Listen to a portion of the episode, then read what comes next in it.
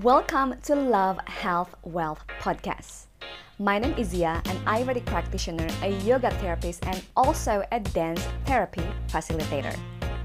Every Tuesday and Friday, we're sharing with you valuable information and inspiring interview, offering you a more holistic approach to love, health, and wealth so that you can have the body and life you love and love the body and life you have. With so much love and excitement, let me present to you today's episode. Halo, selamat datang di Love, Health, Wealth with me, Zia, the holistic source for you to create a body and life you love. Di episode ke-9, udah 9 aja nih. Kali ini kita akan bahas tentang how to create a life you love part 2. Di episode 7 kita udah bahas tuh tentang gimana caranya membuat kehidupan yang kamu cintai, how to create a life you love, life that you love. Uh, tapi kali itu kita ngebahas lewat sisi uh, tujuan hidupnya, sisi yang um, mental, how to set up your mind, how to set up your goal using the principle of dosha dan juga the principle of Purush Artha. Kalau lupa, don't forget to visit that video first episode 7 karena kali ini kita akan lebih fokus lagi tentang sisi kesehatan ya, tentang sisi how to maintain your physical body so that you can create, you have the energy, you have the ability buat bikin uh, kehidupan yang sesuai dengan mimpi kamu. Nah, as a reminder, sebelum lanjut lagi nih, how to become your best self so that you can have the energy to create a life that you love, aku mau remind buat sebuah analogi nih kalau kamu udah nonton ngikutin dari awal ada analogi is imagine like you're driving a car kamu lagi nyetir mobil nih gitu kan. Kamu tahu dari poin A kamu mau ke poin B gitu kan. And then how best way to get there kamu menggunakan GPS system. Nah si GPS system ini dia akan yang memberitahu kamu how what's the best way to get there? Dan kayak GPS kan dari A ke B gitu kan ada banyak banget option banyak banget point how to get there. Dan Purush Artha itu adalah salah satu konsep dari Ayurveda yang dan yoga dan yang bisa membantu kamu buat decide what is the best way to get there and what is your direction what is your goal what is your life purpose that you want to achieve in this life. Kemudian Ayurveda di sisi lain tujuannya adalah buat make sure bahwa kendaraan kamu, si mobil tadi, in its peak potential so that you have the energy to reach your goal. Nah, kebayang dong kalau misalnya mobil kamu dikit-dikit mogok yang seharusnya 100 km per jam gitu kan, eh malah 10 km per jam karena one or any reason, whether salah bensin gitu kan, salah maintenance, jadinya kamu nggak bisa uh, memaksimalkan potensi kamu buat mencapai mimpi-mimpi kamu dalam hidup ini. Makanya selain juga pentingnya tahu apa sih tujuan hidupnya gitu kan yang udah kita bahas di episode 7, kali ini kita akan belajar tentang gimana caranya supaya kendaraan kamu which is your physical body gitu kan. Karena kalau nggak ada badan fisik ini kamu cuma roh gentayangan. Oke, okay, agak spooky. But it's true, right? If you don't have this body, you're not going to be able to achieve your dreams, to create a life that you love, to achieve and your purpose in this life. Makanya penting banget selain tahu mau kemana gitu kan, you have the knowledge, you have the wisdom, and how you can best get there with this body that we are gifted with, with this body that is unique with one and another. Caranya tentu saja dengan menggunakan konsep tiga dosha yaitu Vata, Pitta, Kapha yang udah aku jelasin di episode ketiga dan kelima. Jadi kalau mau belajar lebih lanjut, review lagi episodenya. Kalau lupa silahkan ditonton lagi. Kalau belum download, silahkan download dulu quiz Ayurveda dosha quiznya ada di caption below atau bisa visit ke website saya di ziakusumawadini.com forward slash body dash type dash quiz body type quiz Nah, selain itu, itu juga ada satu konsep lagi namanya Vikruti. Nah, bentar. Agak backtrack dulu nih. Kalau udah ngisi dosha quiz yang tadi, yaitu disebut sebagai Ayurvedic Body Type Constitution. Ayurvedic Mind Body Type Constitution, karena bukan cuma soal physical badan gitu kan, badan fisik. Um, itu yang dosha, uh, dosha quiz yang kamu isi, dia disebut sebagai Birth Constitution, atau bahasa Sanskertanya disebut sebagai Prakruti. Jadi prakruti itu adalah sebuah konstitusi, sebuah dosha kamu, bad, konstitusi badan kamu saat kamu lahir. Jadi prakruti itu bisa disebut sebagai konstitusi badan ideal kamu supaya kamu bisa sampai ke tujuan kamu, supaya bisa kamu bisa nge-fulfill purpose kamu. And at the same time, we as we go through life, kita mengalami patah hati, misalnya kita makan makanan yang salah gitu kan.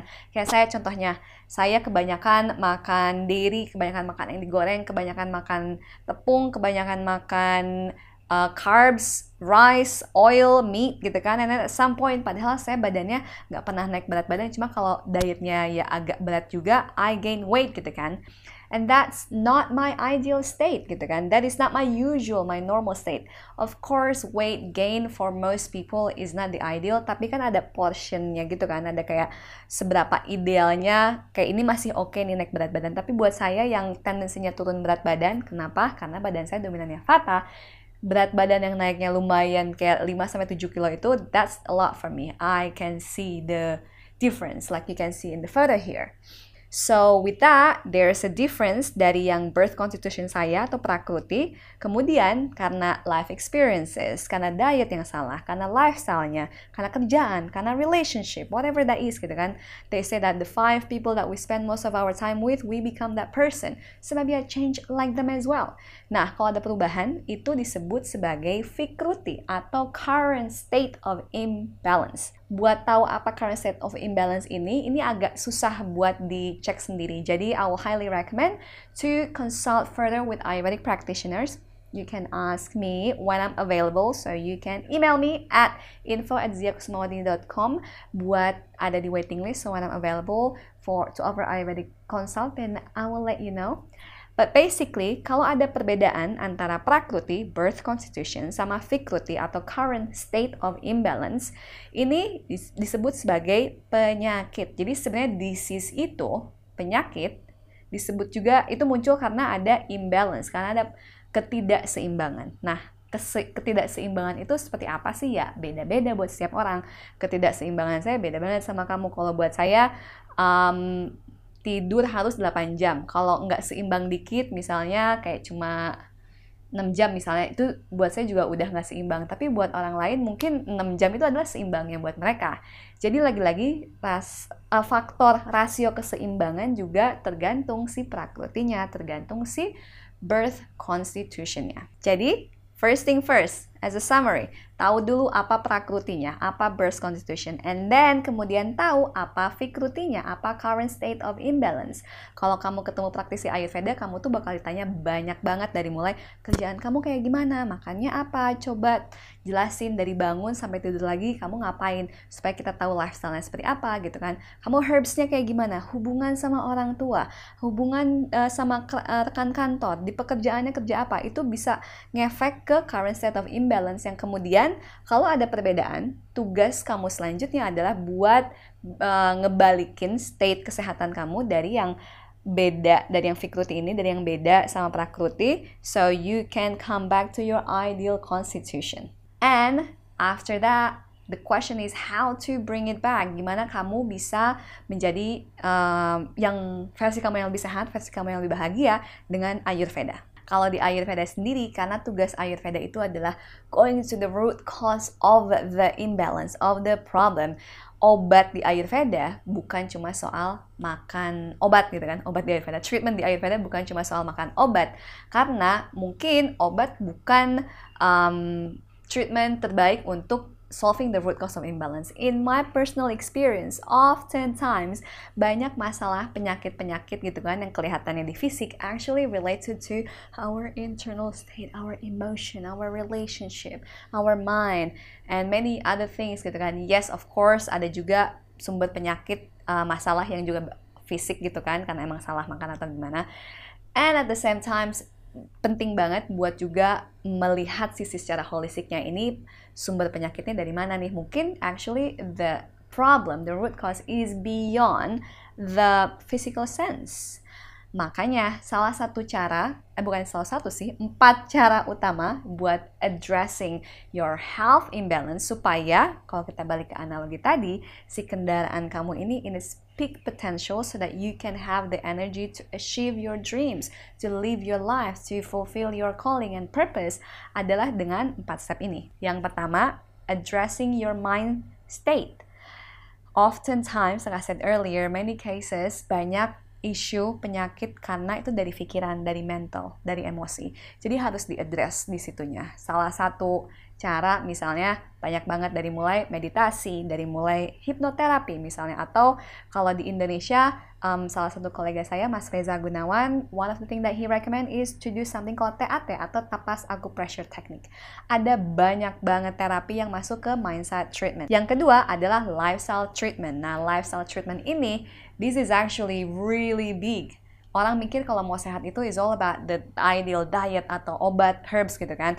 But actually your lifestyle create a big play a major importance in your life karena contohnya nih let's say kamu makan makanan sehat gitu kan tapi habis makan kamu langsung tidur habis makan kamu olahraga habis makan kamu langsung lari gitu kan that food yang harusnya sehat gitu kan malah jadi nggak sehat karena apa yang kamu lakukan because of the lifestyle that you do Makanya kenapa lifestyle itu jadi prioritas kedua buat addressing your health imbalance so that you can become your healthiest state.